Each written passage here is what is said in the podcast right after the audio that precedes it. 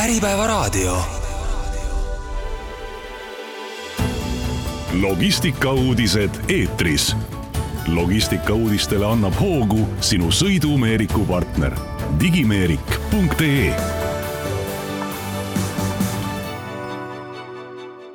tere, head Äripäeva raadio kuulajad,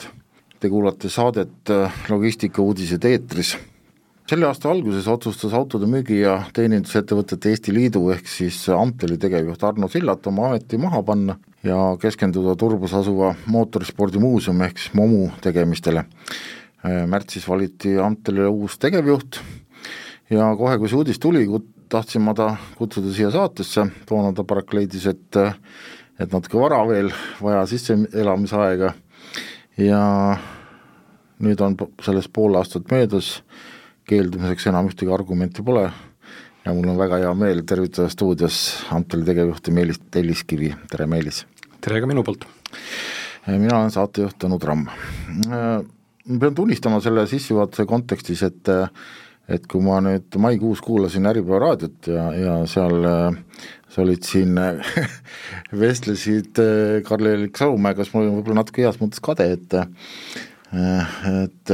et sa nii-öelda, tema sinu esimesena kätte sai. aga samas, kui ma selle ära kuulasin, siis ma sain aru, et ega tegelikult nii-öelda sellest Amteli teemast ja see, mis puudutab nagu logistikauudiseid, seal nagu väga palju juttu ei olnud, põhiliselt keskendusite siis toona sinu autosportlase karjäärile ja ja vormel Estonia äh, arendamisele. ehk siis nagu laias laastus minu soov oleks täna see, et läheksid juttudega edasi enam-vähem sealt, kus teil eelmine saade pooleli jäi, ehk siis toona lõppes see saade suhteliselt sellega, et ettevõte Kavor, mida sa juhtisid, mis arendas siis muuhulgas vormel Estoniat, lõpetas oma tegevuse, et võib-olla lihtsalt mälu värskenduseks sa räägiksid ka, et mis siis täpselt juhtus ja, ja mis siis edasi sai? jaa, tegelikult see oli niimoodi, et see ettevõte paiknes siis Hobujamaa tänaval, päris kesklinnas, kus praegusel hetkel on ju lausa ärikeskused, ja siis ühel hetkel me tegelikult sattusime seal sellisesse olukorda, kus tol korral turg nendele vormelitele nagu tunduvalt vähenes. Ja, ja täpsemalt olles tegelikult mitte ettevõte ei läinud kinni, vaid ma ise otsustasin, et, et kuna selles asjas on nii kaua sees oldud, et oleks aeg teha ka mingisugune selline nii-öelda kannapööre. Ja tol hetkel päris mitmed autofirmad nagu tundsid minu kui isiku vastu huvi. Ja siis saigi edasi mindud sellisesse ettevõttesse kui Kommest Auto, kes siis tegeles konkreetselt Peugeot'e maaletoomise ja jaemüügiga nii Eestis kui ka Lätis ja siis omakorda läksingi sinna nii-öelda müügi poole ja seitse aastat sai Kommestis toimetatud. no Kommest oli selles mõttes legendaarne ettevõte, et äh, mäletan minu autoajakirjaniku algusaastatel hakati Eestis valima aastaautot, siis minu arust Peugeot kakssada kuus oli vist esimene aastaauto Eestis ja see oli ülimalt populaarne auto, et äh, ma arvan, et sinu käsi on siis ka mängus siin või? jah, nii ta on, et, et et ega ongi paljude selliste uute mudelite, markide maaletoomine ongi selline päris nagu kohati nagu keeruline väljakutse ja eks omakorda see sõltub ka nii-öelda autotootjast ja inseneridest, mis mudel on valmis tehtud, aga tookord jah, seda Peugeot kakssada kuus saatis päris edu. Ja edasi Commestist Kommestis jah, nagu ma ütlesin, et sai nii-öelda Eesti kui Läti poole pealt toimetatud ja siit ka võib-olla niisugune vahva seik oli ka see, et, et et kui nii-öelda Läti poole peal koha peal ringi sõitsin, siis tol ajal tuli veel sõita nii-öelda Läti numbritega, et Eesti autodega aeg-ajalt võis õhtuti või öösel mingi jamasid juhtuda. et, et oli selline aeg veel tol hetkel, aga Kommestist edasi öö, otsiti EAS-i inimeste ekspordi valdkonda, kellel oleks just tootmise kogemuse, et ja siis ma pärast Kommesti läksingi EAS-i ekspordidivisjoni, kus siis aitasime paljudel Eesti suurettevõtetel minna välismaa turgudele. ja kuna selline tootmise kogemus oli, et siis just tegelesingi paljude selliste nii-öelda suurte tootmisettevõtetega ja kuna lisaks vormelisõidule oli üks hobi mul ka nii-öelda purjetamine, siis olid ka päris palju ettevõtteid, kes Eestis tegelesid veesõidukite tootmisega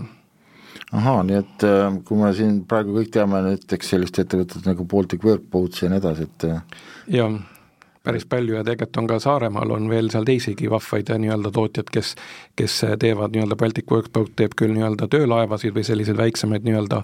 aga on ka seal päris tublid nii-öelda jahtlaevade valmistajad, et, et Eestis tegelikult see sektor on ka päris selline tugev.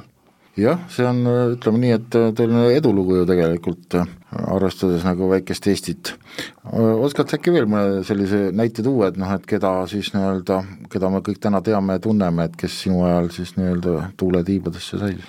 No tegelikult neid ettevõtteid oli portfellis äh, üle kahekümne tol korral, et, et seal oli niimoodi, et kliendihalduritel olid omal nii-öelda portfellis, aga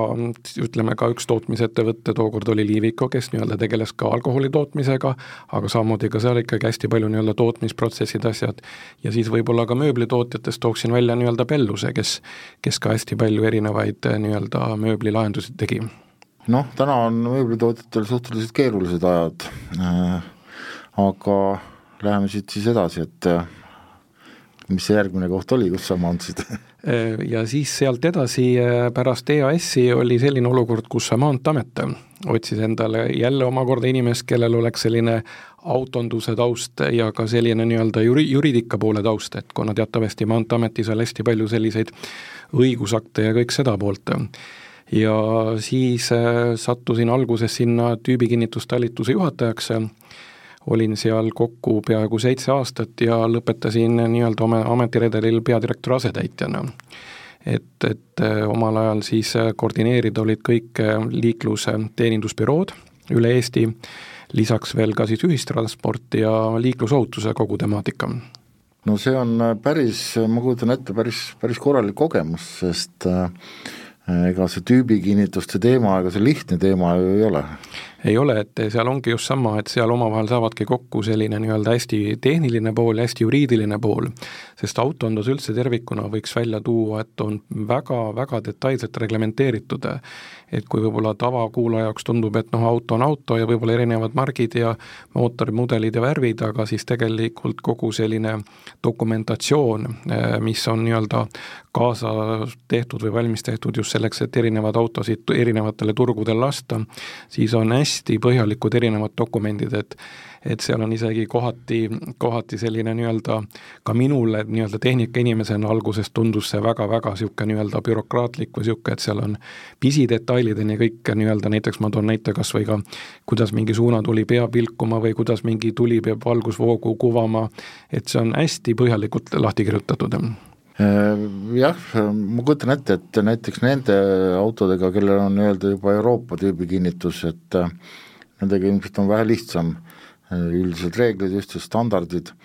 aga samas ma kujutan ette, et näiteks äh, meil on selline tehnikaühistu nagu Rebella, äh, kes äh, toob igasugu huvitavaid eksootilisi sõidukeid maale ja, ja noh, väga pikalt just Venemaa poolt siin kassi ja kamassi ja, ja mida iganes. Ma kujutan, et nendel on päris keeruline, et sellest bürokraatiast läbi murda ja siin seda luba saada. Jah, nii on, et, et tõesti Euroopa need tingimused, nagu ma ütlesin, et on päris nii-öelda konkreetsed ja võiks ütelda kohati ka hästi karmid, aga lisaks võib-olla selle nii-öelda sõidukite lubamisele Eesti, olles Euroopa Liidu liikmesriik, siis tegelikult me võtsime osa ka erinevate uute direktiivide väljatöötamisel ja selle nii-öelda õiguspoole ettevalmistamisel et küsiti ka väga paljude asjade kohta nii-öelda arvamust ja samal ajal, kui ma olin ka Maanteeametis, sattus Eesti olema ka Euroopa Liidu eesistuja ja sai ka natuke selle Euroopa Liidu selle poolega nagu rohkem nagu kokku puudutud. ja lisaks siin võib-olla logistikauudiste valdkonnas tahaksin välja tuua, et ka Eestis on ju hästi tublid äh, kergaagiste tootjad. Ja et nemad saaks siis oma toodangut äh, müüa teistele turgudele, peavad nad kõik oma, oma nendele aagistele tegema ka need tüübivastavustunnistused ja kogu selle dokumentatsiooni, ja samamoodi on Eestis paar päris tublit ettevõtet, kes tegelevad siis ümberehitustega, teevad siis kas nii-öelda busse, väikebusse, keskbusse või ka kiirabisõidukid ja seal samamoodi on hästi palju sellist nii-öelda dokumentatsiooni ja katsetusi kas või näiteks kuni selline välja, et et tuleb katsetada ja järgi proovida, kui pannakse näiteks kaubikusse eraldi istmerida, et siis kui tugeva jõuga need istmed seal nii-öelda põranda küljes kinni on, et isegi testida, et et lausa tõmbekatse tuleb teha, et, et mis koormusega need istmed nii-öelda põranda küljest hakkavad siis justkui lahti tulema, et ka sellised kõik, kõik tuleb läbi testida ja proovida. Jah, siin alles hiljaaegu ju tegelikult mõned aastad tagasi oli siin suur skandaal seoses sellega, et vist ma ei tea, kõrgused olid natuke valed ja ja, ja, ja nii edasi, et et siin selles mõttes on nagu ilmselt nagu igav ei, ei, ei hakanud. aga ütleme, kui me nüüd võtame selle toonase konteksti ja tänapäeva, et äh, kuidas sulle tundub, et äh, noh, Eesti riik siin otsib hirmsasti igalt poolt, äh, kust leida raha ja samas nagu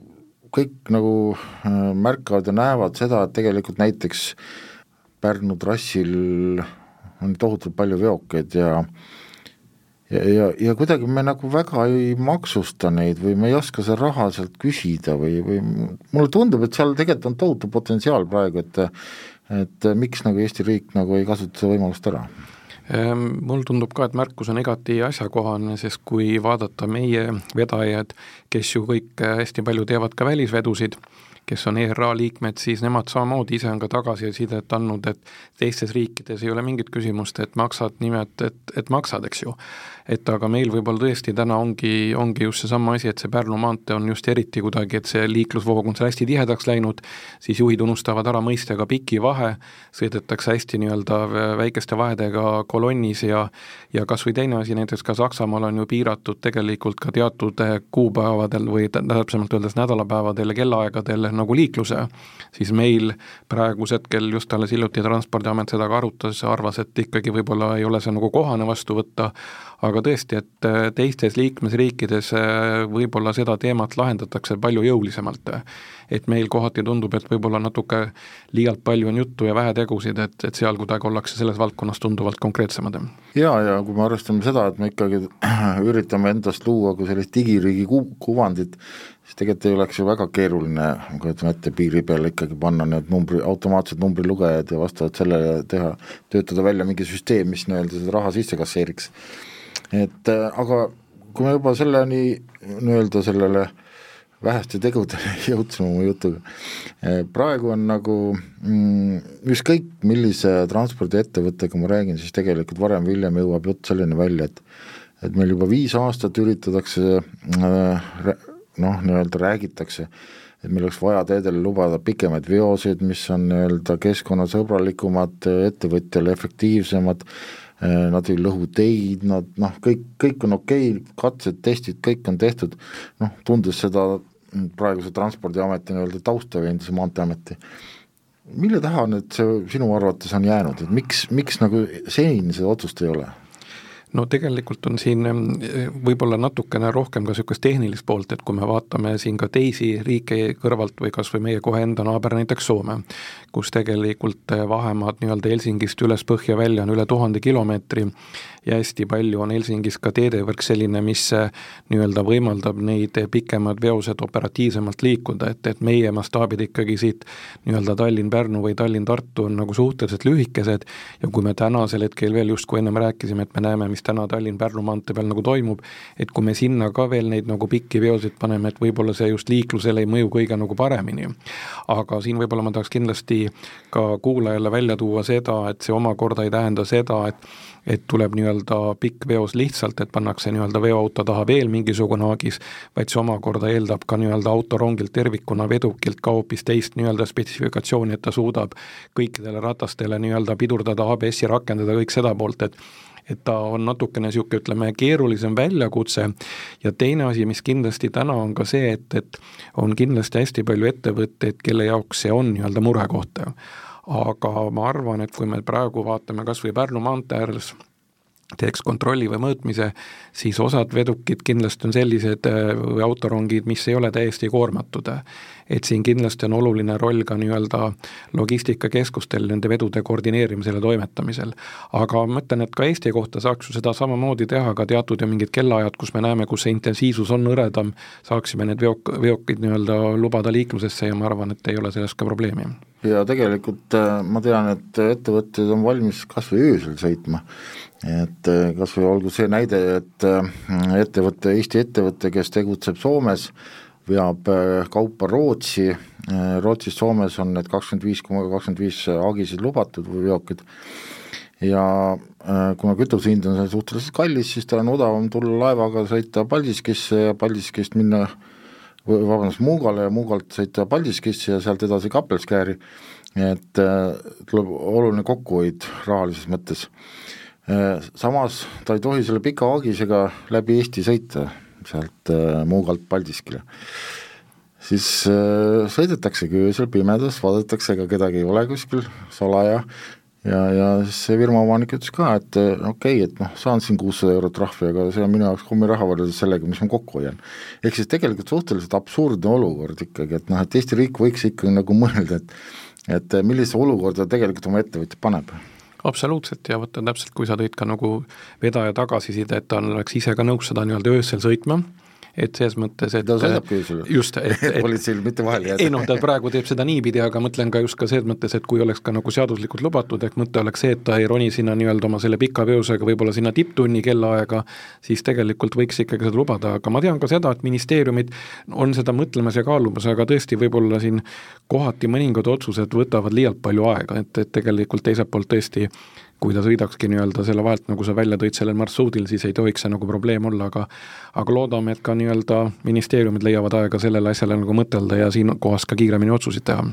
noh, igal juhul oleks see väga, väga tore. nii, oleme siis nagu selle Maanteeametiga ühel pool mis edasi?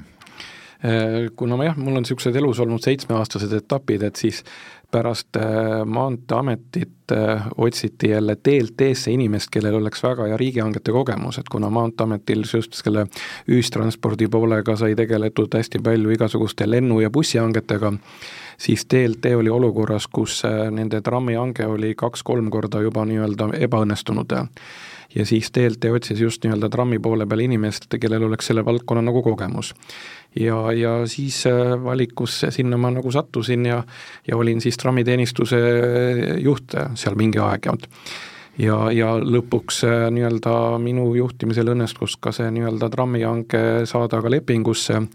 Ja, ja nüüd varsti peatselt järgmine aasta kevadel juba Tallinnasse ongi uued pesatrammid tulemas et, et tegelikult tahangi siinjuures nagu tänada ka kõiki eelnevaid kolleege, et et mis iganes ettevõttes ma olen olnud, et ma olen kuidagi sattunud ka hästi nagu positiivsete inimestega ühte nii-öelda laua taha, et, et kõik need, kõik need eelmised etapid on väga vahvad olnud ka nii DLT-s, et tõesti, kus olid inimesed oma valdkonnale täiesti pühendunud ja püh siiamaani toimetavad, et on säilinud ka väga hea kontakt kõigi nendega noh, kui me nüüd trammiliikluseni jõudsime juba korra, noh siis äh, päris siit niimoodi üle hüpata väga ei raatsiks, et äh, igaüks me teame, mis siin Tallinna tänavatel toimub. No õnneks nüüd äh, viimasest pühapäevast vist hakkasid, ma saan aru, enamus liine tööle uuesti, aga mis sa üldse nagu, kuidas iseloomustaksid seda olukorda, kuidas linn hakkama sai nüüd selle kaosega siin? Või, või oleks saanud paremini teha? No muidugi oli see asi, et, et kuna see töömaht ja front oli nagu väga suur ja lai, et, et siis sellest tulenevalt ongi küsimus, et kas sa teed teda nii-öelda veel nii-öelda rohkem nagu jupiviisiliselt ja kuidagi hajutad seda või teisalt võtad otsuse vastu, et ongi nii-öelda hästi ebamugav, aga kannatada see vaheaeg nagu ära, eks ju. Et praegu linn läks seda teed, et, et noh, sattuski niipidi, et oli hästi ebamugav, need, kes ütleme, linnas liikusid, aga ikkagi päeva lõpuks ütleme,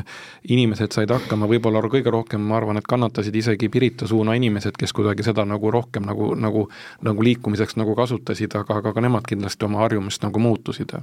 teine küsimus muidugi omaette on see, mis ka linnavalitsuses oli hästi palju jutt, et et kas see nii-öelda rajatud äh, marsruut või see nii-öelda tee, mis nüüd rajati, on kõige optimaalsem või mitte, sest teatavasti nii-öelda tehti hästi palju nagu kõrvalkalded, aga kindlasti oleks olnud võimalus teha ka nii-öelda natukene lihtsam ja odavam lahendus, et linnahalli juures pöörates nii-öelda A-terminali juurde ja tulles sealt tagasi, kust ta praegusest kell tuleb, et et see on nagu valikute küsimus, aga aga kindlasti siin üheks määravaks oli ka see, et täna nii-öelda Vana-Viru ring on hästi palju nii-öelda liiklusintensiivsus on hästi suur.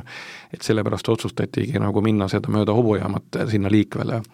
aga kui vaadata nagu teiste riikide kogemust ja praktikat, ega siis paljudes riikides ongi nii tehtud, et päris nii-öelda südalinnas liigubki ainult elektritransport kas see on siis nii-öelda trammi või trolli näol ja hästi palju toimub sellist ümberistumist, et võib-olla meil Eestis ongi selline asi, et et inimesed on kuidagi hästi nagu kinni selles, et peavad nagu ühe liiniga saama alguspunktist lõpp-punkti sõita.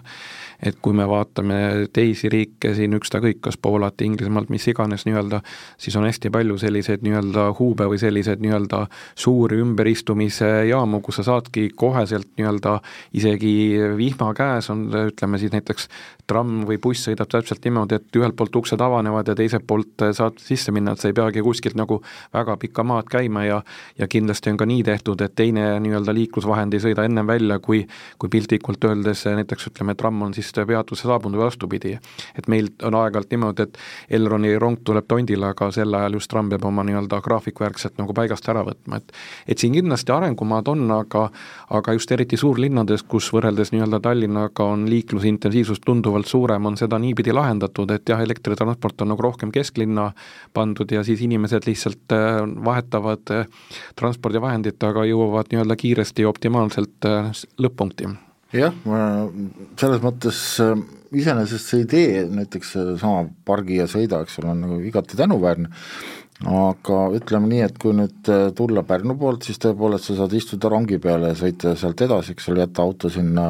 laagrisse. Ja, ja aga Tartu maantee poolt tulles nagu, nagu väga ei ole nagu seda võimalust, no okei okay,, kesklinn on lähedal ka võib-olla, aga aga ikkagi selles mõttes, et kui ma töötan kesklinnas, ma ei taha päris autoga sinna kesklinna minna, Äh, nüüd vähemalt äh, on siis see variant, et sa jätad Ülemiste Kaubanduskeskuse parklasse, aga noh, seal on ka jälle omad reeglid, et mingi, sa ei tohi seal noh, väga pikalt olla, et äh,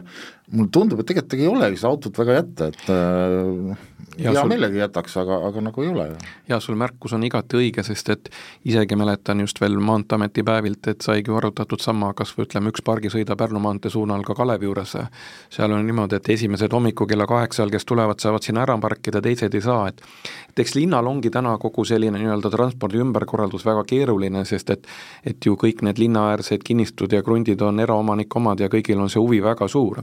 sest praegu näiteks linnal on ka ühe mõtte või või sellise ideena, et Järvele teha umbes selline nii-öelda keskus, et Järve Selveri juurde, et, et inimesed, kes seal Pärnu suuna pealt tuleks, saaks parkida. Ja kindlasti tuleks ka vaadata ka Tartu maantee suuna peal, nagu sa ütlesid, et tõesti ei ole ju päris ka ette nähtud seda, et sa kaubanduskeskuse nii-öelda hoovi selle pargid, eks ju, aga, aga kindlasti siin on just arengumaad, kus saaks nii-öelda seda efektiivsemaks muuta, sest et sest et kui teistes riikides see mudel töötab, siis miks mitte ka Eestis mitte ei peaks töötama jaa, ma kujutan ette, et kui äh, see tramm nüüd noh, mis plaanitakse Rae valda ja Jürini välja, et noh, see ilmselt muudaks olukorda, et seal, seal oleks nagu ruumi küll teha neid parklaid sinna vahele kuskil, et äh, lahendaks olukorra ära, aga praegu jah, tõepoolest see natukene Äh,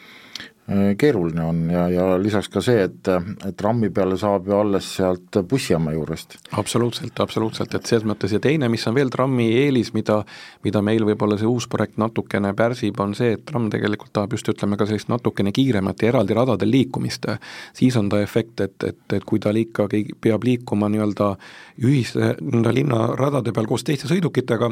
siis äh, tal nagu kiirus väheneb või kui on hästi palju ka selliseid kurve või pööramisi, et, et siis ka see jälle keskmine kiirus väheneb. jah, selles mõttes, et tõenäoliselt äh, oli see saatuslik viga, et kunagi jäi äh, Lasnamäe tramm välja ehitamata jah, sest tegelikult võimalused selleks olid olemas ja seal tegelikult mahud, kui palju ju hommikuti vaja inimesi linna tuua ja tagasi viia, on päris suur, et, et kindlasti oleks olnud see selline hea, hea tugev samm nii-öelda.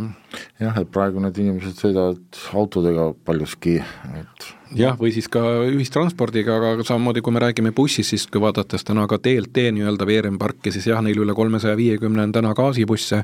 aga ikkagi päris palju, suur kogus on endiselt veel diiselbusse, mis iga päev nii-öelda sõidavad ja tossavad kesklinnas mis oligi tegelikult ju sinu viimane töökoht enne Amteli juhiks asumist. et äh, mis tundega sa selle äh, koha vastu võtsid? No tunne oli tegelikult selline mõnes mõttes positiivne, sest et ka oma eelnevates töödes just Maanteeameti päevil sai hästi palju Amteliga koostööd tehtud ja, ja iseenesest see valdkond ei olnud minu jaoks üldse võõras. Ja kui selline nii-öelda äh, konkurss korraldati, siis äh, pakkus see mulle kindlasti väga suurt huvi, sest ma teadsin just, et kui palju tegelikult Amteli all täna on kaasatud ettevõtteid, mis selle Amteli nii-öelda eesmärgid on ja see kõik pakkus nagu väga suurt äh, huvi, olles äh, põhjalikult selline autonduse inimene läbi aja ise olnud. ja, ja see oli niisugune päris huvitav nii-öelda väljakutse no jaa, noh arvestades sinu kommest auto pikka staaži ja nii edasi, et et selles mõttes kogemusi selles valdkonnas on küll. Äh, aga mis need peamised väljakutsed on, et äh, praegu tundub, et noh, mis seal ikka, et iga, iga müüja ju teab, mida ta teeb, igaüks müüb ise nii, kuidas oskab ja mis siin ikka väga koordineerida nojah, et võib-olla esmapilgul see tundubki niimoodi, et ta nii on, aga tegelikult on täna ikkagi hästi palju selliseid teemasid, esiteks kas või üks selline suurem väljakutse ka nii-öelda suhtlemine era, erialaliite versus riike, et praegu näiteks uue teemana tuli laua peale automaksu teema, mis aktiivselt käib arutelu, siis kindlasti on just hästi palju erinevaid nii-öelda seadusandlusi, mis tuleb kas siis nii-öelda Eesti õigusruumist või tuleb ka Euroopa Liidust siia ümber tuua, noh, kuni näiteks selline välja, et praegu hästi aktuaalne teema autonduses üldse on keskkond ja see temaatika, et siin paralleelselt aktiivselt just äh, käivad arutelud, et see, et kas minna nii-öelda veonduses ka nii-öelda euro seitsme peale või piirduda euro kuuega siis kindlasti on järgmine temaatika on see, et praegu on pandud ideena paika, et aastast kakskümmend kolmkümmend viis ei tohiks enam müüa CO2 heidet nii-öelda väljastavat kergsõidukeid, tähendab siis sõiduautosid ja kergkaubikuid ja neid teemasid on nagu hästi palju. ja lisaks AMT-le nii-öelda endast koondab, lisaks automüüjatele on ka ettevõtted, kes nii-öelda teenindusettevõtted toimetavad, kus on hästi palju selliseid keretööettevõtteid ja ka seal just kogu selline nii-öelda ühtsete standardite loomine, kliendi rahulolu ja kõik see pool, et on nagu ülioluline, et täna tegelikult Amteli jaoks või Amtel ise pigem ongi ettevõtete jaoks justkui selline kvaliteedimärk et ka tarbija jaoks, et kui ettevõte on Amteli liige, siis järelikult teda kindlasti võib usaldada kas siis autot ostes või teenust tellides. jaa, sest äh, tasub kindlasti siin äh, taustaks ära märkida, et äh, et Amteli liikmed ei ole mitte üksnes uute autode müüjad ja, ja, ja teenindused, vaid ka kasutatud autode müüjad, seal on raskeveokite müüjad ja nii edasi ja nii edasi, et noh, sisuliselt kõik, kes selle valdkonnaga tegelevad, ja ma mäletan küll, et see oli tegelikult igati tänuväärne ettevõtmine kunagi, kui hakati välja andma nii-öelda seda usaldusväärse ettevõtte sertifikaati, et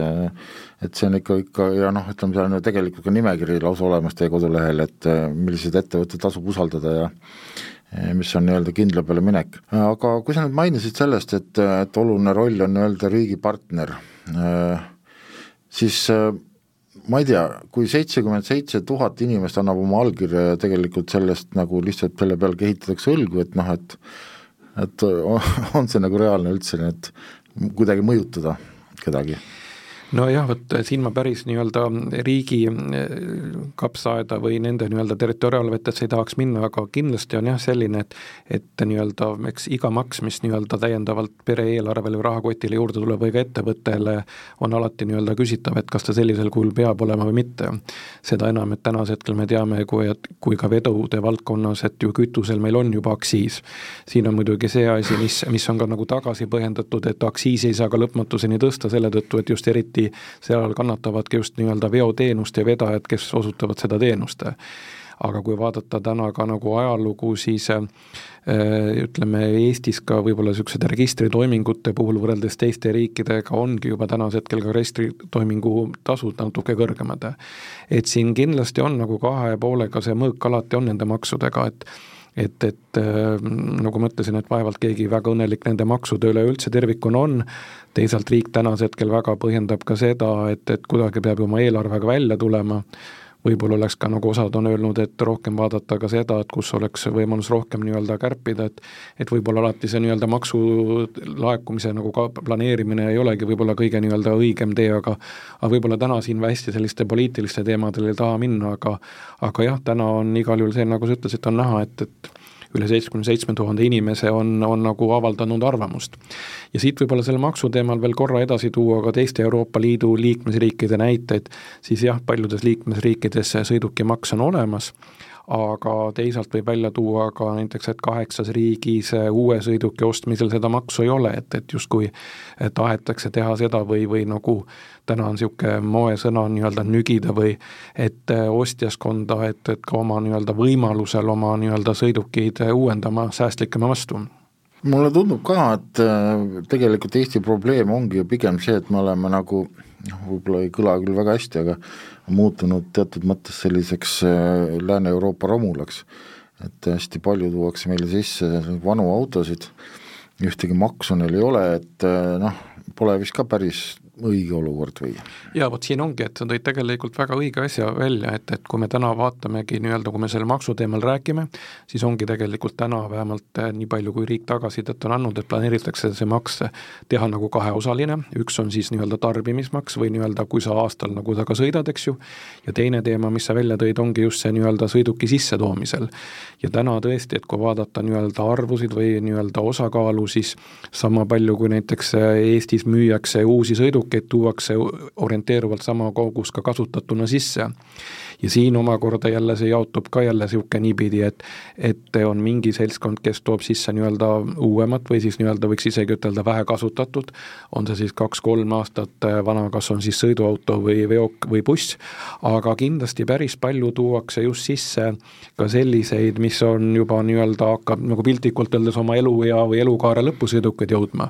ja see tegelikult ongi probleemne koht, et kui neid, neid selliseid nii-öelda saastavamaid ja neid sõidukeid pidevalt nii-öelda sisse tuua, tuua, siis ongi probleem, et Eesti oma turg nagu justkui ei suuda või ei tekita nii-öelda järelturul juurde ja kui seda teist tuleb juurde, siis kogu aeg juhtubki see asi, et justkui meie enda autode van-, keskmine vanus pidevalt nii-öelda kasvab. Ja nagu sa tõidki näite või lause, et jäämegi Euroopa ütleme, selliste juhtivamate riikide jaoks selliseks justkui nii-öelda turuks, kus need vanad kasutatud sõidukid kohale jõuavad, et et kindlasti selle nii-öelda mõttemaailma muudatuse ühel hetkel peaks ikkagi tegema, et et, et see olukord nagu muutuks. jaa, ja tegelikult on ju äh, noh, mulle tundub, et siin ka natuke võiks olla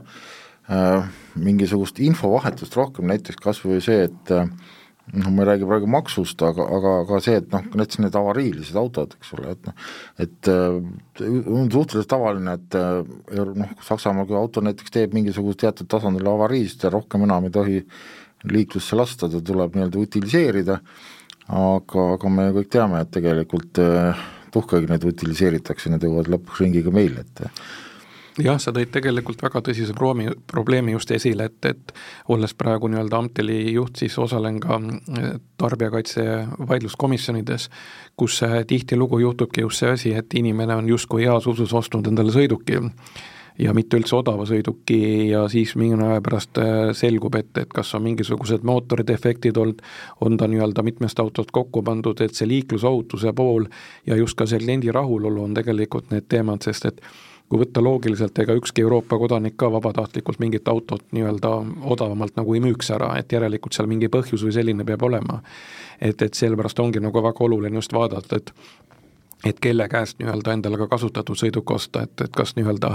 kuskilt kuulutuse peal, kus ei ole nagu mingit infot või on ikkagi ettevõte, kellel on pikk staaž, garantiid, asjad, et ja keda võib nii-öelda usaldada, et, et see on jah omaette küsimus. ehk siis tegelikult see võiks natuke see süsteem olla rangem, aga just, et praegu, kui nüüd jah, nagu sa enne ütlesid, et nügida uute auto, autode poole, siis praegu nagu väga seda nügimist ju ka näha ei ole ka selle äh, automaksu taustal, et äh, et noh, selleks, et hoida oma valijaid ju tegelikult ei taheta ju väga neid vanade autode omanikke ju maksustada, et kus see kompromiss võiks olla? Jah, ega märkus ongi õige, et aga pigem see kompromiss pigem peaks olema sellel teel, et võtta vastu julgem samm just nendel ka juurde tulevate osas. sest tegelikult ega need sõidukid, mis täna on Eestis, ongi mõistlik tegelikult nad oma eluea nii-öelda lõpuni ära kasutada, et neid lihtsalt ühel hetkel kohe jõuga nii-öelda utiliseerida ei ole nagu mõtet, aga pigem eh, see nagu valem või edu, see mõte ongi selles, et nende kasutatud autode toomist just selles valdkonnas nagu natukene rohkem maksustada, et, et et, et just, et ei toodaks selliseid nii-öelda vanu äh, kehva ajalooga ja selliseid siia turule, mis, mis mingil määral nii-öelda äh, noh, ütleme siis rikub nagu turgu, et kui me täna võtame kas või autode teise näite puhul, kõik autode puhul me kasutame nii-öelda rehve, eriti rehvid on olulised just meil talvetingimustes, et kui paljudes äh, Põhjamaa riikides on kehtestatud ka piirang rehvi vanusele, siis täna meil osad sellised, võiks ütelda natukene kahtlasemad firmad toovad Eestisse ka kasutatud rehve ja inimesed ostavad ja sõidavad nendega, et et seal jälle see liiklusohutuse teema või ka veoautode puhul isegi olen sattunud päris äh, sellisesse olukorda, et kus eessõitval äh, haagisel rehv lõhkes, aga tänu, tänu endisele vormelisõitja nii-öelda reaktsioonile suutsin sellest nii-öelda minu poole lendavast turvise või rehvi sellest karkassist nii-öelda mööda põigata ja kõik, kõik läks nagu hästi, aga see on kindlasti jah, omaette teema, mis, mis jälle nii-öelda peaks nagu mõtlema, et, et et kui me liigume, siis liigume ikkagi kvaliteetsemate asjadega. Jah, see rehvi lõhkemise teema just, et mul endal juhtus täpselt sama asi eelmine aasta ja ja aga see oli nüüd küll, minul seda vormelisõiti reaktsiooni ei olnud ja ega mul ei ol-, ei olekski olnud kusagile väga reageerida, aga lihtsalt mul vedas, et ma nägin, kuidas need jupid lendasid vasakult ja paremalt ja veel porilauad ja, ja tuled ja ma ei tea, mis seal kõik olid, et see plahvatus oli ikka päris õudne et äh, aga mis sa arvad, et mis nüüd reaalselt ikkagi nagu võiks, võiks ära teha või, või kui palju nagu riik nüüd ikkagi praegu kuulab, et selle automaks nüüd lükati edasi, öeldi, et noh, et peab ikka nii-öelda sektoritega läbi rääkima, kuidas sa tunnetad, et kas on lootust läbi rääkida? ei noh, ütleme kindlasti läbirääkimised või sellised toimuvad, aga omaette on küsimus, kui palju võetakse oma alla nii-öelda professionaalide arvamust nagu tegelikult kuulda. Et, et võib-olla täna nüüd hästi kiiresti vastu võetud erinevate seaduste raames on nad ka jõudnud või aru saanud, et, et selline läbirääkimine justkui oleks vajalik, aga täna siin ütelda, kui palju nagu arvamust lõppkokkuvõttes avaldatakse, on nagu raske, raske siin nagu ütelda, et nii nagu sa ka ütlesid, et tegelikult üritatakse leida ju mingit kompromissi selles olukorras, et, et siin on väga raske nagu ennustada, et mis selles olukorras nagu tuleb, et et, et ootaks ka ise huviga, et, et milliste nüüd uue eelnõuga siis äh, peatselt või ühel hetkel nii-öelda välja tullakse ja kui palju siis äh, kuulatakse seda, et kas antakse aega nii-öelda reedest esmaspäevani või antakse ikkagi seekord ikkagi nii-öelda mõistlik aega, et saaks nii-öelda avaldada arvamust ja kuulda ikkagi oma ala professionaalide arvamust. sest et vaevalt meist, ma olen alati öelnud ka seda, et keegi tahaks näiteks lennukiga lennata, kui nii-öelda kokpitis ei ole mitte professionaalne piloot, vaid on keegi nii-öelda poliitiline tegelane või samamoodi, kui me keegi lähme ka kirurgi noa alla. et mina küll isiklikult ei julgeks minna näiteks või ei tahaks olla sellises lennukis, et et kui keegi nii-öelda on kokpitis, kes oma arvates teab hästi palju, aga tegelikult nagu lennutunde selja taga ei ole. no umbes nii jah, et teeme hääletused, kes, kes meist võiks minna lennukit juhtima.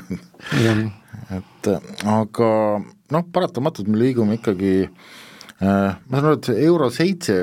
nähtus vist nagu sealt nüüd tõmmati need äh, reeglid ikka natuke tagasi, et nagu nii karm nagu ei, ei, ei või kas ta üldse tuleb? jah, vaata ega siin ongi tegelikult see asi, et, et jälle sama ka selline nii-öelda kompetentsus, et täna ühelt poolt ma saan aru, et on poliitikutele hästi nagu oluline rõhutada, et lähme hästi keskkonnasäästlikuks see on selge, et mida nii-öelda heitmeklass kõrgemaks, seda nii-öelda säästlikum või selles mõttes ta nagu keskkonna mõttes see sõiduk on. aga teisalt tuleb alati siinjuures vaadata nagu tervikpilti tervikuna, et, et kas me tänagi, kui näiteks praegusel hetkel läheksime Tallinna sadamasse kesklinnas ja vaataksime Tallinna sadamas Soome poole liikuvate sõidukite nii-öelda heitmeklasse või sama näide ka Kaapelskääris, siis ma arvan, et isegi, et Euro kuus vedukeid on seal suhteliselt vähe et hästi palju on ikkagi euro nelja veel, euro viite veel, et pigem Euroopas on ka nagu jõutud järeldusele, et et ei ole mõtet nii-öelda ühes otsas minna nagu selle heitmenormidega eest hästi kaugele ära, kui nii-öelda reaalne elu ei tule sellele järgi, mis tähendab seda, et et me võime ju piltlikult öeldes nõuda seda tootjatelt euro seitsme nagu kehtestamist, aga kui me näeme, et reaalne nii-öelda fliit või veosed, mis nagu ringi sõidavad, on hoopis midagi muud. et siin muidugi omakorda tuleb ka jagada see kaheks, et kindlasti välisvedajad peavad sõitma sõitma nii-öelda või kasutavad kindlasti aga päris värskeid ja uusi sõidukeid, sest nemad on ka sellest aru saanud, et esiteks nad ei pääsekski võib-olla kuskil Saksamaa liiduvabariigi kuskil linnale sisse, kui tal ei ole nii-öelda Euro kuus sõidukit või vastavalt normatiividele aga kui me vaatame siin näiteks kas või Tallinna linnas, sama rääkisime siin neid ehitustöid, siis tihtilugu mingi segumasin, mingi kallur või mis iganes on kaugel sellest Euro kuuest, et, et päev otsa seal töötab ja ja tossab, et kindlasti mõistlikum, mis ka Euroopa poliitikud lõpuks aru said, et pigem vaadata, kuidas õnnestuks nii-öelda järeleaitamistunde teha ka neile, kes täna võib-olla ei kasuta nii-öelda euro siis viite või kuute ja, ja seal segmendis teha kuidagi nagu rohkem, et see annaks nagu tulemuse palju rohkem kui see, et et nõuda autotootjatelt ühel hetkel euro seitset mis on ju tegelikult tootjate jaoks meeletu investeering ja teisalt me teame, et kui aastast kakskümmend, kolmkümmend viis on praegusel hetkel niikuinii liigutakse selles suunas, et ei tohi toota enam CO2 heitmega sõidukeid, konkreetselt sõiduautosid ja kergkaubikuid, et siis justkui autotootjatele pannakse nagu mitu sellist rasket ranitsat selga. Et pigem tänases olukorras just nagu ma ütlesin, et vaadata veel kord, et, et kuidas linnades saaks teha, et kesklinn oleks hästi nii-öelda heitmevaba või elektriline ja vaadata, et kõik see muu nii-öelda veoautod ja kaubikud, mis igapäevaselt ringi sõidavad ja mitte üldse vähe kilomeetreid, et ka sealt see ots tuleks nii-öelda järgi oma heitmenormidega. Jah, tegelikult ERA ja, ja Autoettevõtete Liit on juba siin mitu aastat rääkinud, et et ka äh, nii-öelda selle auto, noh, raskeveokimaks võiks sõltuda euro äh, norm, normidest, et mida vanem auto, seda kõrgem maks, et see nagu aitaks oluliselt rohkem kaasa kui, kui, kui mingi muu ja seda enam, et ka ega sellest euro seitsmest ja sealt ju väga enam midagi välja pigistada ei andnudki, et seal mingi pidurite materjalid ja, ja noh, sellised asjad hakkavad mängu tulema, et ega tegelikult mootorid on euro kuuel ju piisavalt puhtad ja, ja, ja ei ole väga selles aastat jah, ja täpselt, ja lisaks kõik see, mis nii-öelda juhul, kui selle Euro seitsme pealegi minna, siis tegelikult on seal see hinnavahe päris suur. et isegi äh, Autotootjate Liit, äh, üle-euroopaline, kus muuseas ka Amtel liige on, olid äh, lausa arutlused ja analüüsid, et isegi poliitikute ja Autotootjate Liidu nii-öelda arvamusel oli seal lausa nelja kuni kaheksakordne hinnavahe, et poliitikud justkui ma ei tea, kus nad seda infot said, said aru, et, et see euro seitsmele minek ei ole nagu nii kallis, aga reaalelus oleks ta nagu väga kallis. et veel kord, nagu ma rõhutan, et pigem just vaadata ka seda, et et see nii-öelda need, kes täna ei sõida nii-öelda või kasutavad just madalama heitmetega, täpselt seesama ka veoautomaksu nii-öelda või siis teekasutustasu nii-öelda puhul, et et, et seal kuidagi seda rohkem reguleerida, et kutsuda nagu üles, et, et ja, ja noh, no ma ütlen, et veel kord, et välisvedajad täna sõidavad väga nii-öelda värske pargiga ja nad on ka selle üle väga õnnelikud, et või vähemalt paremas seisus, et ei pea neid ka kogu aeg remontima ja hooldama. jaa, eks seal väga palju tegelikult reguleeribki seesama Saksa kiirteetasu, et äh, seal on ju väga konkreetselt on öeldud ja vahepeal, et näiteks gaasiveokid jäid üldse ilma tasuta, et see kohe tõstis gaasiveokite populaarsust, aga noh, muidugi pärast seda nüüd Venemaa jaamas Ukrainas, seal nüüd see, see teema natuke tõmmati maha, aga ja, ja gaasiautodele pandi ka maks peale, aga, aga ikkagi selles mõttes, et tegelikult väga konkreetselt ja kiiresti mõjub nagu turul, et milliseid autosid, sest praegu nagu autovedajate puhul mina saan küll aru niimoodi, et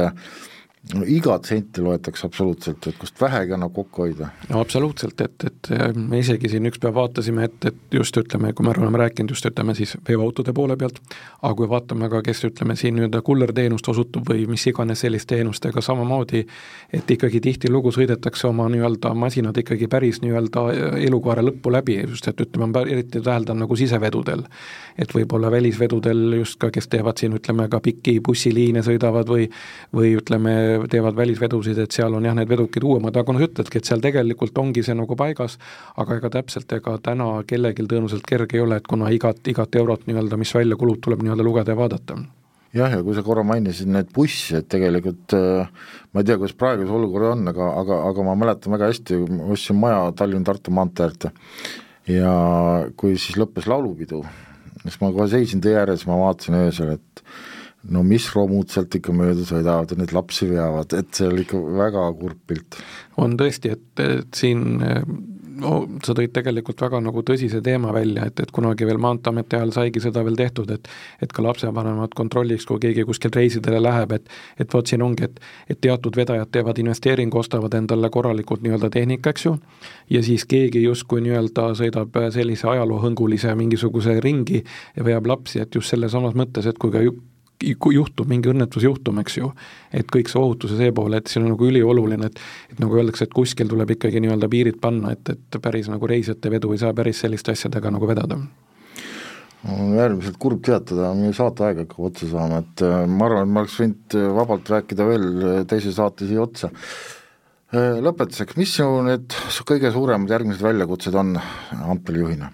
No praegu ongi, et eh, väga loodame, et ikkagi nii-öelda riik kaasab meid ja, ja võtab arvesse Amtili poolsed nii-öelda ettepanekud, sest veel kord, et olen öelnud, et Amtili eesmärk ei ole mitte automaks kuidagi teha omakasuks, vaid pigem ikkagi niipidi, et see oleks selline suurem, üllam eesmärk, kuna Amtel on olnud kolmkümmend aastat siin Eestis ja ma arvan, et on järgmised kolmkümmend viis aastat, viiskümmend aastat ka edasi, et siis me tahaksime just, et asi ikkagi oleks selline, mis ka nii-öelda keskkonda muudaks ja parandaks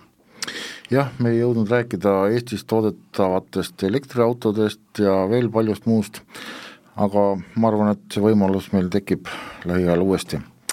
igal juhul suur tänu, Meelis Tilliskivi, et said tulla äh, meie stuudiosse, äh, mina tänan, äh, seniks kuni tuleb järgmine saade, lugege Logistika uudiseid, kõike head, kohtumiseni!